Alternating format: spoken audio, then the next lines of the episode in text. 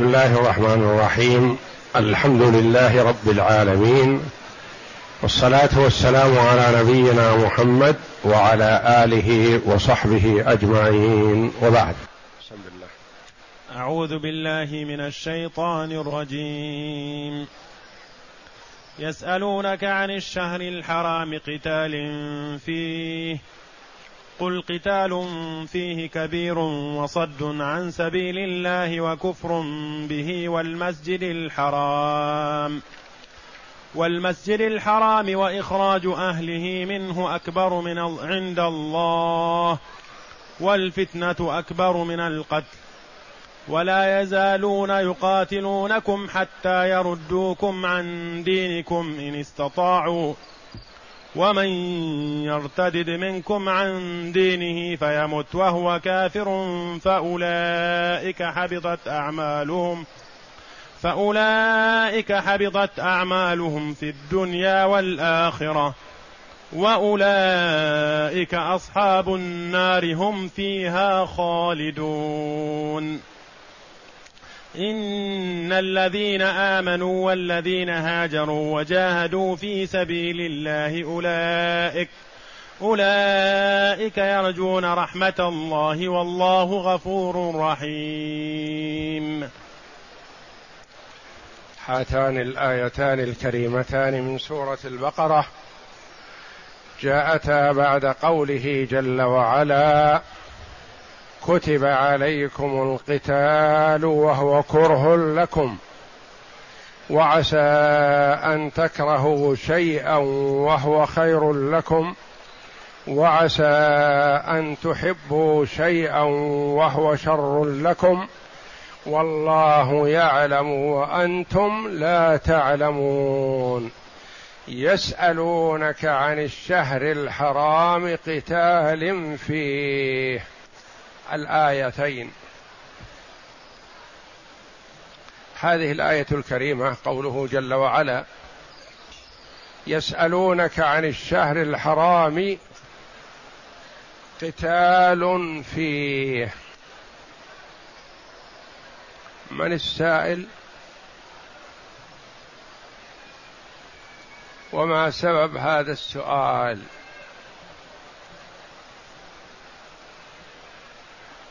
النبي صلى الله عليه وسلم أرسل سرية قوامها من ثمانية رجال. وأمر عليهم أبا عبيدة ابن الجراح رضي الله عنه. أحد المبشرين بالجنة. فجاء يودع النبي صلى الله عليه وسلم فبكى.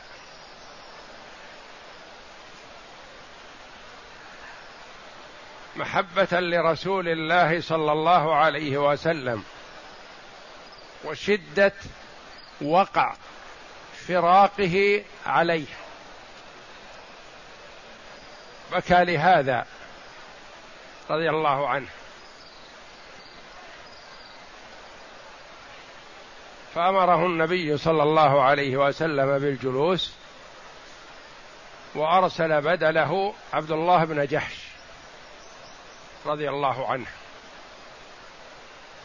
أميرا على القوم. وكتب معه كتاب وقال انطلق بمن معك ولا تقرأه حتى تصل إلى مكان كذا. فإذا قرأته فلا تكره أحدا من أصحابك. من أراد منكم العودة فليعد. عليه الصلاة والسلام لا يكره أحدا على الجهاد. فسار عبد الله بن جحش رضي الله عنه حتى وصل المكان الذي حدد له النبي صلى الله عليه وسلم ففتح الكتاب فقرأه. فإذا فيه أمر من النبي صلى الله عليه وسلم له ولمن معه بأن يصلوا إلى مكان كذا بين مكة والطائف ويتحسس أخبار كفار قريش. ويأتوه بالخبر. وفيه لا تكره أحدا من أصحابك على السير معك. فقرأ رضي الله عنه عليهم الخطاب بعدما قرأه واسترجع وقال سمعا وطاعة لله ولرسوله وقال إن رسول الله صلى الله عليه وسلم أمرني ألا أكره أحدا منكم على المسير. فساروا معه سوى اثنين أضلا راحلة لهما يعتقبانها. فتأخرا من أجل البحث عن راحلتهما. فتقدم عبد الله بن جحش رضي الله عنه ومن معه فإذا بقافلة حملة تجارية تأتي من الشام مارة بالمكان إلى مكة. وكان الوقت آخر جماد الثانية ويحتمل أنه أول رجب.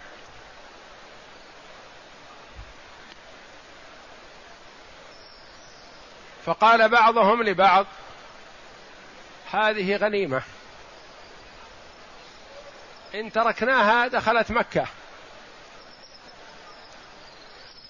وإن عدونا عليها فيحتمل أن هذا اليوم من رجب. فنكون انتهكنا حرمة الشهر الحرام.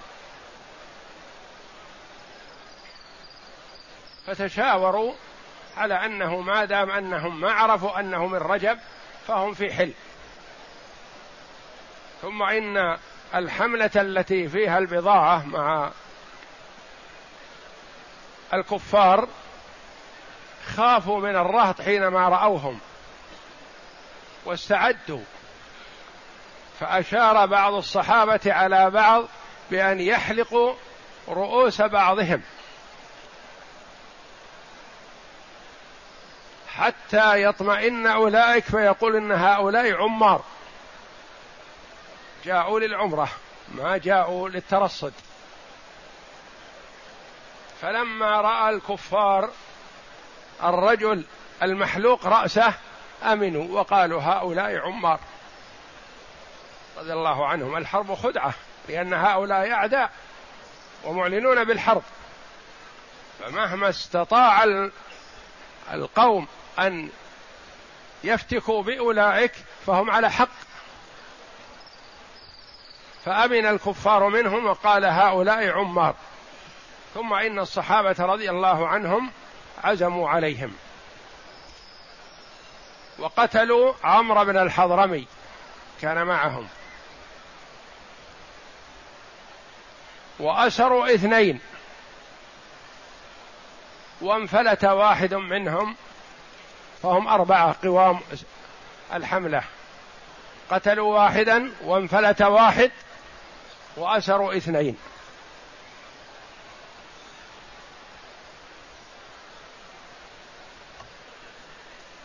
فقال عبد الله بن جحش هذه غنيمة.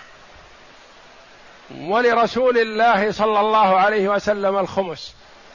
هذه من فراسته وتوفيق الله له قبل أن يفرض الخمس. في الغنائم. قال نجعل لرسول الله صلى الله عليه وسلم خمس هذه الغنيمة.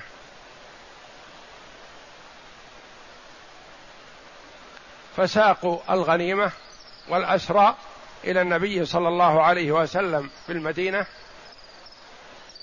فقال لهم عليه الصلاة والسلام إني لم أمركم بقتال. وفرح بها كفار قريش وأخذوا يشنعون على المسلمين بأنهم انتهكوا الشهر الحرام الذي هو شهر رجب وقاتلوا فيه.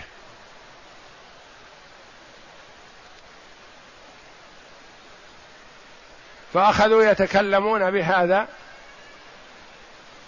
وجاء منهم وفد إلى النبي صلى الله عليه وسلم لدفع فدية الأسيرين.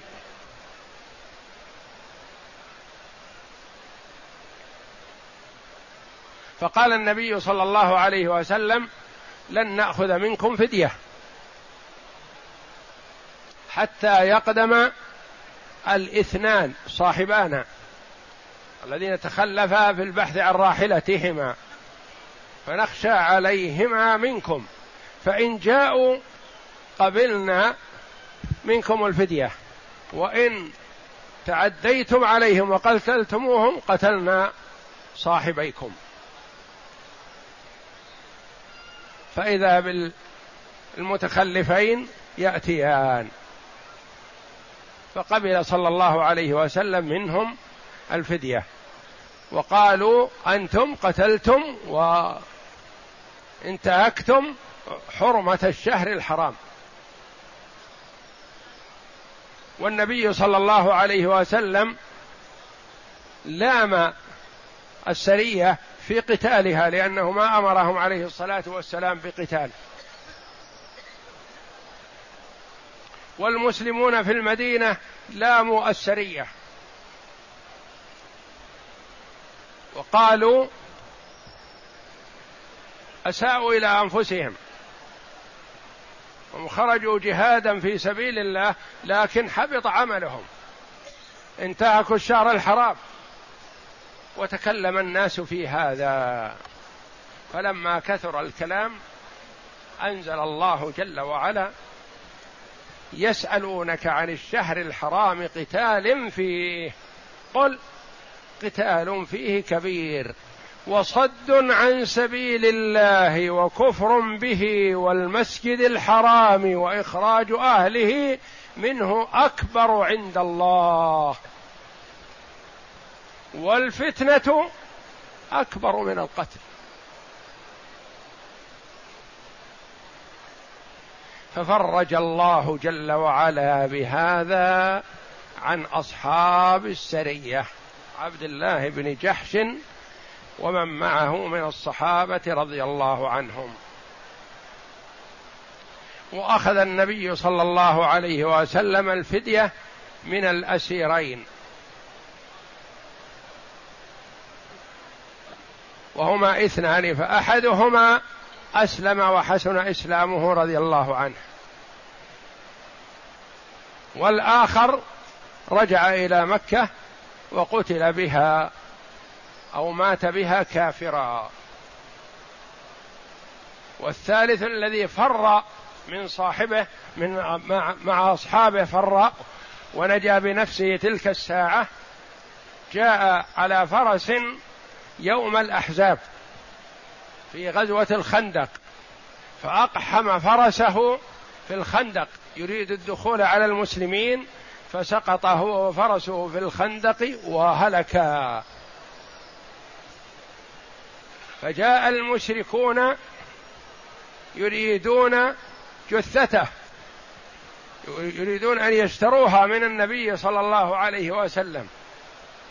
فقال هي جيفة حرام وثمنها حرام خذوها بلا شيء. ماذا يستفيد منها؟ عليه الصلاة والسلام. كافر مات هلك. هلك في الخندق أهلك نفسه.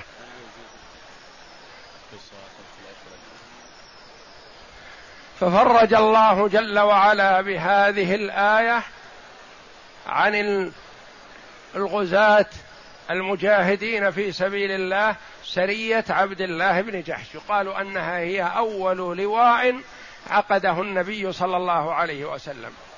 وغنيمتها كانت فيها خير كثير أول غنيمة غنمها المسلمون.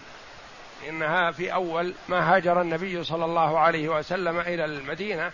قالوا أنها كانت بعد بدر الأولى. بدر الأولى غير البدر بدر المشهورة هذه قبلها بفترة.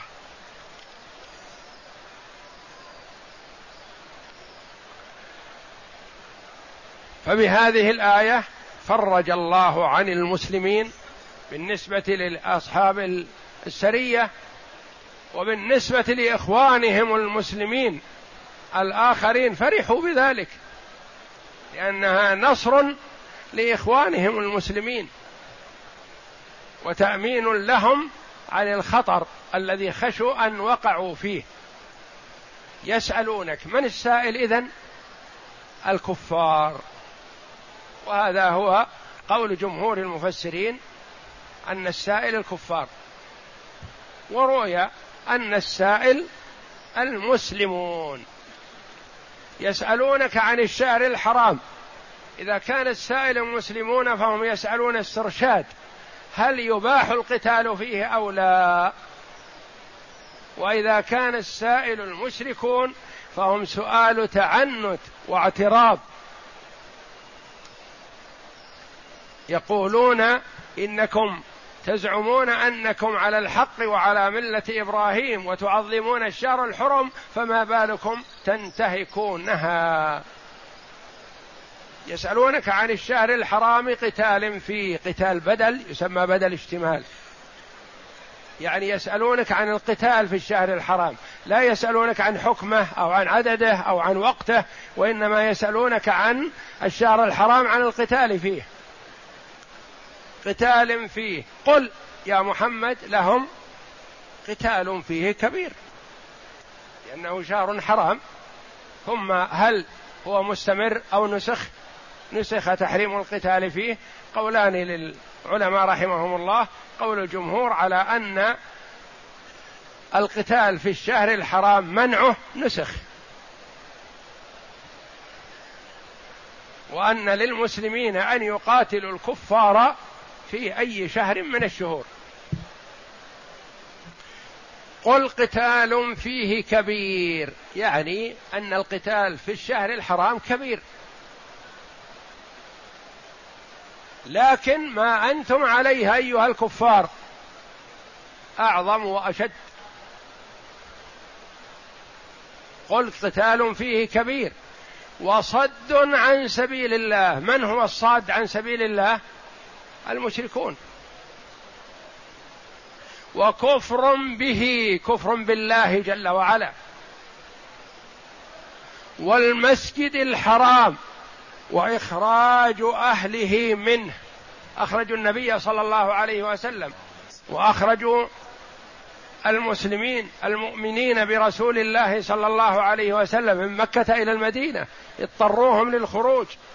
خرجوا اولا للحبشه ثم خرجوا للمدينة فرارا بدينهم وتركوا أموالهم وأولادهم وأهليهم. هذا جرم عظيم. وإخراج أهله اخرجوا المسلمين منه. وهم في الحقيقة المسلمون المؤمنون بالله هم أهل المسجد الحرام وليس أهله الكفار. فالكفار هم الذين لا يستحقون الجلوس فيه والبقاء فيه. لأنه بيت الله وهم محادون لله ولرسوله. وإنما أهله حقيقة هم محمد صلى الله عليه وسلم وصحبه. وإخراج أهله منه أكبر عند الله. يعني ما أنتم عليه من الظلم والصد عن سبيل الله والكفر بالله وأذية سكان حرم الله من أولياء الله شيء عظيم. فأنتم فيما أنتم فيه من الكفر والضلال أعظم وأعظم من القتال في الشهر الحرام. والفتنة أكبر من القاتل. الفتنة فتنة الناس أذاء الناس في دينهم لأجل أن يرتدوا عن الإسلام. أكبر من القتل لأن القتل جريمة وعظيم لكن صرقت صرف الرجل عن دينه. أعظم وأعظم إثما. لأنه إذا صرف عن دينه أخرج من ملة الإسلام وصار كافرا ثم صار من أهل النار. أما إذا قتلته وهو على إسلامه فأنت جنيت على نفسك لكن هو يؤول إلى الجنة. فالفتنة أعظم من القاتل والكفار من قديم الزمان إلى يومنا هذا وهم يسعون فيما يسعون إليه من صد الناس عن دينهم والفتنة. فتنتهم وصرفهم عن دينهم. فهم يبذلون الأموال الطائلة ويرسلون الرسل كله من أجل صرف الناس عن دينهم. والفتنة أكبر من القتل فهو شيء عظيم. ثم أخبر جل وعلا عن عداوة الكفار وأنها ما تنفك ولا تنتهي. ولا يزالون يقاتلونكم حتى يردوكم عن دينكم إن استطاعوا. فانتبهوا أيها المسلمون. لا ولاية ولا محبة ولا إلف بينكم وبين الكفار. كفار أعداء لله ورسوله فكيف تصاحبونهم؟ والله جل وعلا أخبر عن عداوتهم كما أخبر عن عداوة الشيطان. إن الشيطان لكم عدو فاتخذوه عدوا. إنما يدعو حزبه ليكونوا من أصحاب السعير. وأخبر عن هؤلاء أنهم لا يزالون. من ذلك الوقت إلى قيام الساعة. هذه صفتهم. ولا يزالون يقاتلونكم إلى غاية. ما يقاتلونكم من أجل مال أو من أجل كذا أو من أجل كذا قد يكون أكثر منكم حتى يردوكم عن دينكم. وهم يحاولون ذلك إن استطاعوا. إن استطاعوا. فهذا تحذير من الله جل وعلا لعباده. انتبهوا. لا تنصاعوا لهؤلاء الأعداء. فهم أعداء لكم يريدون صدكم عن دينكم. إن استطاعوا ثم حذر جل وعلا عباده أشد تحذير فقال ومن يرتدد منكم عن دينه فيمت وهو كافر. فأولئك حبطت أعمالهم في الدنيا والآخرة. الله جل وعلا ليس بينه وبين عباده نسب. من أطاع الله فهو ولي الله ومن عصاه فهو عدو كائنا من كان ومن يرتدد عن من دينه فهو عدو الله ورسوله.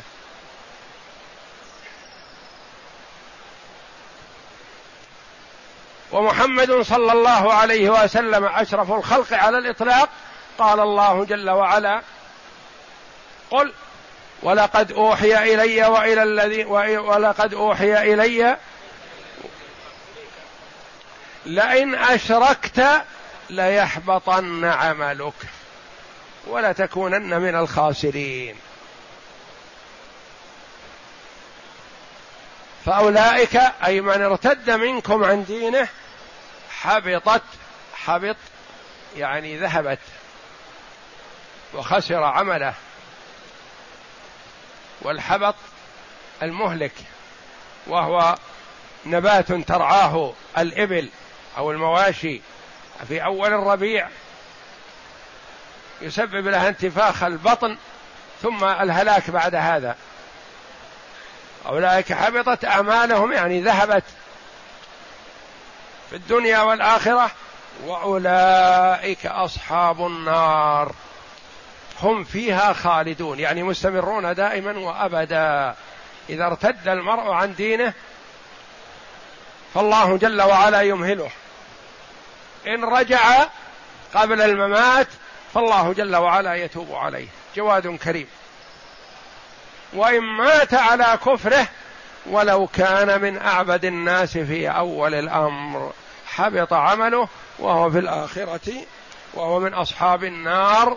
الخالدين فيها المقيمين فيها دائما وأبدا لأن أهل النار دائما وأبدا في النار الذين هم ماتوا على الكفر. لا يدخلون الجنة حتى يلج الجمل في سم الخياط. إذا كان الجمل يدخل في ثقب الإبرة فإن الكفار يدخلون الجنة.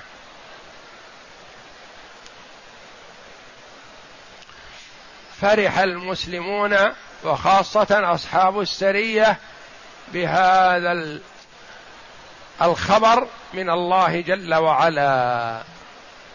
وطمعوا المؤمن يطمع في الخير وما يشبع من الخير. حصل العفو عنهم. قالوا يا رسول الله عفى الله عنا والحمد لله. فهل نطمع في الأجر بأن نكون ممن جاهد في سبيل الله؟ أو رجعنا لا لنا ولا علينا؟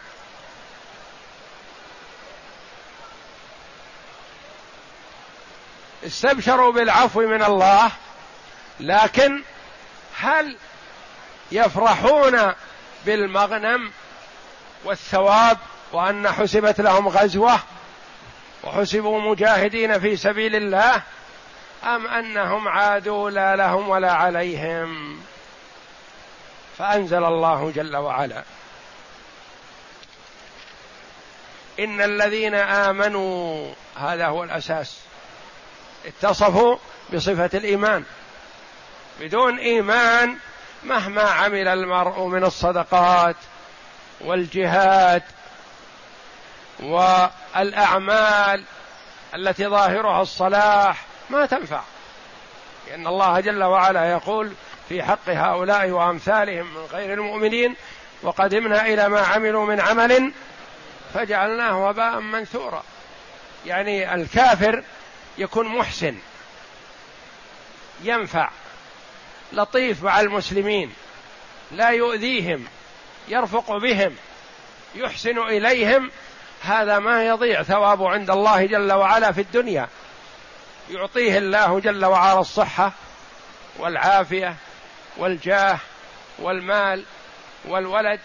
إذا شاء سبحانه يثيب عليه في الدنيا لأن الله جل وعلا وعلا لا يضيع من اجر أجر من أحسن عملا. فإذا كان يريد الدنيا عجل الله له ثوابه. وإذا كان يريد الآخرة مع الإيمان بالله يعطيه الله جل وعلا في الدنيا مع ما يدخر له في الدار الآخرة.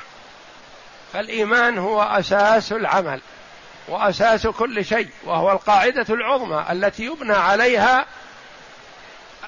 سائر الأعمال. بدون إيمان ما تنفع لأن المنافقين كانوا في عهد النبي صلى الله عليه وسلم يتصدقون.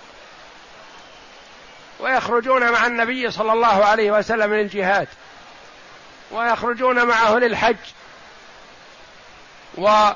ويبذلون المعروف والعطاء ويتصدرون المجالس مع المسلمين لكن بدون إيمان يفعلون هذه الأعمال لحفظ مركزهم وقيمتهم في الدنيا فقط. فأخبر الله جل وعلا عنهم أنهم في الدرك الأسفل من النار. فما تنفع الأعمال إلا مع الإيمان. هو الأساس وهو عمل القلب والتصديق بالله جل وعلا وبرسوله صلى الله عليه وسلم. والإيمان بأركان الإيمان الستة التي سأل عنها جبريل عليه السلام محمدا صلى الله عليه وسلم بمحضر من الصحابة. أخبرني عن الإيمان. قال أن تؤمن بالله وملائكته وكتبه ورسله واليوم الآخر وبالقدر خيره وشره. إن الذين آمنوا وهاجروا هؤلاء السرية كلهم من المهاجرين رضي الله عنهم. الثمانية كلهم من المهاجرين ما فيهم أحد من الأنصار. لأن هؤلاء خرجوا على أول ما وصل النبي صلى الله عليه وسلم إلى المدينة ليتحسسوا أخبار كفار قريش. والذين هاجروا وجاهدوا في سبيل الله. أثبت الله جل وعلا لهم الجهاد. وأنه جهاد في سبيل الله. لإعلاء كلمة الله. ما يريدون مغنما أو مطمعا من مطامع الدنيا. وجاهدوا في سبيل الله. أولئك يرجون رحمة الله. والله غفور رحيم. يرجون. المؤمن ما يتكل على عمله. وإن اتصف بالإيمان. وإن اتصف بالهجرة. وإن اتصف بالجهاد في سبيل الله ما يتكل على عمله لأنه لا يدري بما يختم له. وكان من أكثر دعاء النبي صلى الله عليه وسلم اللهم يا مقلب القلوب ثبت قلبي على دينك. قالت له عائشة رضي الله عنها أو تخشى يا رسول الله؟ قال أوما علمت أن قلوب العباد بين أصبعين من أصابع الرحمن إذا أراد أن يقلب قلب عبد قلبه فالإنسان يسأل الله الثبات يسأل الله الثبات على الإيمان وعلى الحق حتى يلقى ربه ولا يتكل على عمله. ولهذا مدح هؤلاء جل وعلا بأنهم يرجون رحمة الله. يرجون والله خبر عنهم أنهم يرجون فيعطيهم ما يرجون جل وعلا. والله غفور رحيم. هذه بشارة من الله جل وعلا لهم بأن الله جل وعلا غفر لهم ورحمهم وهم على ما يرجون من رحمة الله. ما قال جل وعلا يرجون رحمة الله والله شديد العقاب والله عزيز حكيم. قال جل وعلا والله غفور رحيم. غفر لهم ورحمهم وتلك بشارة وتحذير للمؤمن عن الاتكال على عمله وإن كان من كان في العمل الصالح. فيكون المؤمن كما قال بعض السلف بين الخوف والرجاء. ويكون الخوف والرجاء عنده كجناحي الطائر. يخاف من ذنوبه ويرجو رحمة ربه. قال بعض السلف يستحب للإنسان في حال الصحة أن يغلب جانب الخوف حتى يعمل ويجتهد ويبتعد عن المحرمات وفي حال المرض أن يغلب جانب الرجاء لا يصيبه اليأس لأنه في حال المرض ما يستطيع العمل. عمله يكون ضعيف. وقد يؤثر عليه الخوف فيصيبه اليأس والقنوط وهو كبيره من كبائر الذنوب. وكلا الأمرين الرجاء الشديد الذي هو الأمن من مكر الله والقنوط من رحمة الله كبيرتان من كبائر الذنوب.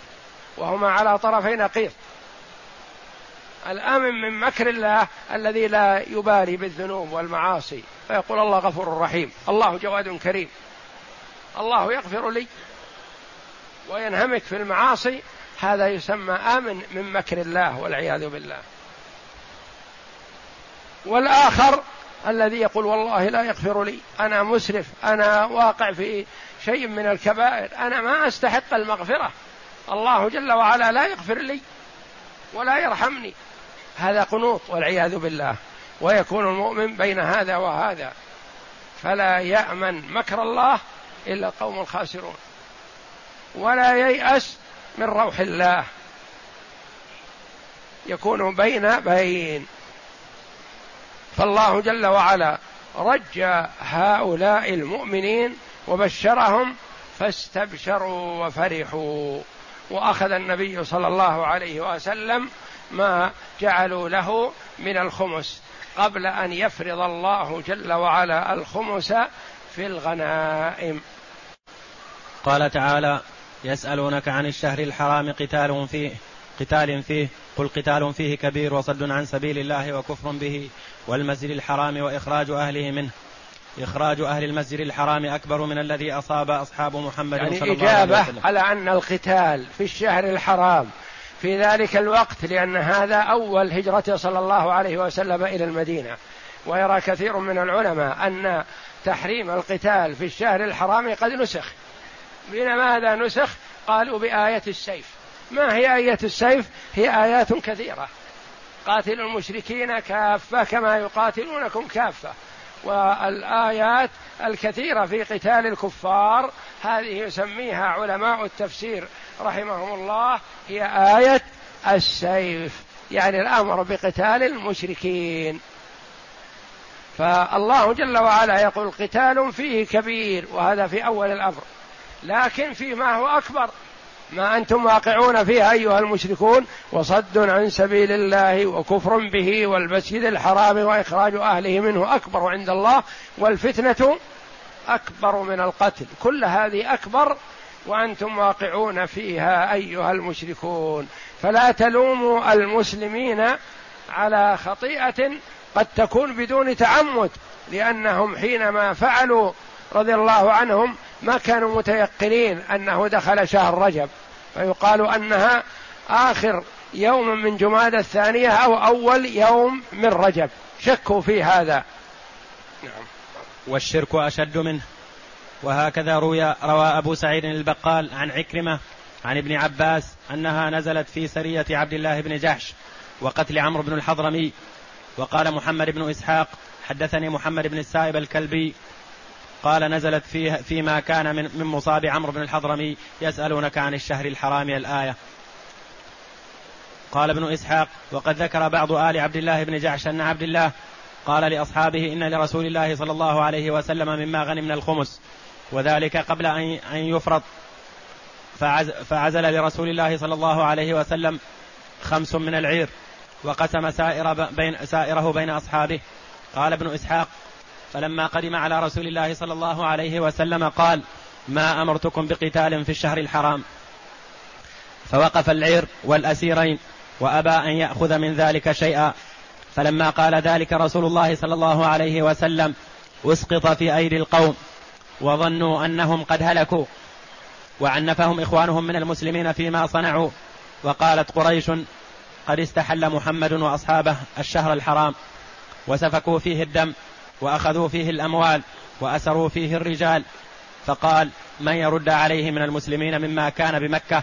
إنما اصابوا من يرد عليهم من المسلمين بمكة؟ إنما أصابوا ما أصابوا في شعبان. وقالت اليهود تفاءلوا بذلك على رسول الله صلى الله عليه وسلم. عمرو بن الحضرمي قتله واقد بن عبد الله. عمرو بن عم عمرو عمرت الحرب والحضرمي حضرت الحرب. وواقد بن عبد الله وقرت الحرب. فجعل الله ذلك عليهم لا لهم. فلما أكثر الناس في ذلك أنزل الله على رسول الله صلى الله عليه وسلم يسألونك عن الشهر الحرام قتال فيه قتال فيه. أي إذا كنتم قتلتم في الشهر الحرام فقد صدوكم عن سبيل الله مع الكفر به وعن المسجد الحرام وإخراجكم منه وأنتم أهله. أكبر عند الله من قتل من قتلتم منهم. والفتنة أكبر من القتل. أي قد كانوا يفتنون المسلم في دينه حتى يردوه إلى الكفر بعد إيمانه فذلك أكبر عند الله من القتل. ولا يزالون يقاتلونكم حتى يردوكم عن دينكم إن استطاعوا. أي هم مقيمون على أخبث ذلك وأعظمه غير تائبين ولا نازعين.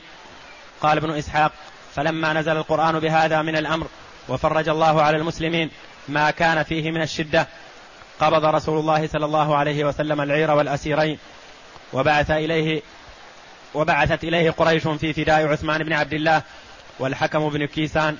فقال رسول الله صلى الله عليه وسلم لا نفديكموهما حتى يقدم صاحبانا يعني سعد بن أبي وقاص وعتبة بن غزوان. فإنا نخشاكم عليهما إن تقتلوهما نقتل صاحبيكم. فقدم سعد وعتبة ففداهما رسول الله صلى الله عليه وسلم منهم. فأما الحكم بن كيسان فأسلم وحسن إسلامه وأقام عند رسول الله صلى الله عليه وسلم حتى قتل يوم بئر معون شهيدا. وأما عثمان بن عبد الله فلاحق بمكة فمات بها كافرا. قال ابن إسحاق فلما تجلى عن عبد الله بن جحش وأصحابه ما كان حين نزول القرآن طمعوا في الأجر. فقالوا يا رسول الله أنطمع أن, أن, أن تكون لنا غزوة نعطى فيها أجر المجاهدين. فأنزل الله عز وجل إن الذين آمنوا والذين هاجروا وجاهدوا في سبيل الله أولئك يرجون رحمة الله والله غفور رحيم. فوضعهم الله من ذلك مع على أعظم الرجاء. قال ابن إسحاق والحديث في هذا عن الزهري ويزيد بن رومان عن عروة. وقد روى, روى يونس بن بكير عن محمد بن إسحاق عن يزيد بن رومان عن عروة بن الزبير قريبا من هذا السياق. والله أعلم. وصلى الله وسلم وبارك على عبده ورسول نبينا محمد وعلى آله وصحبه أجمعين.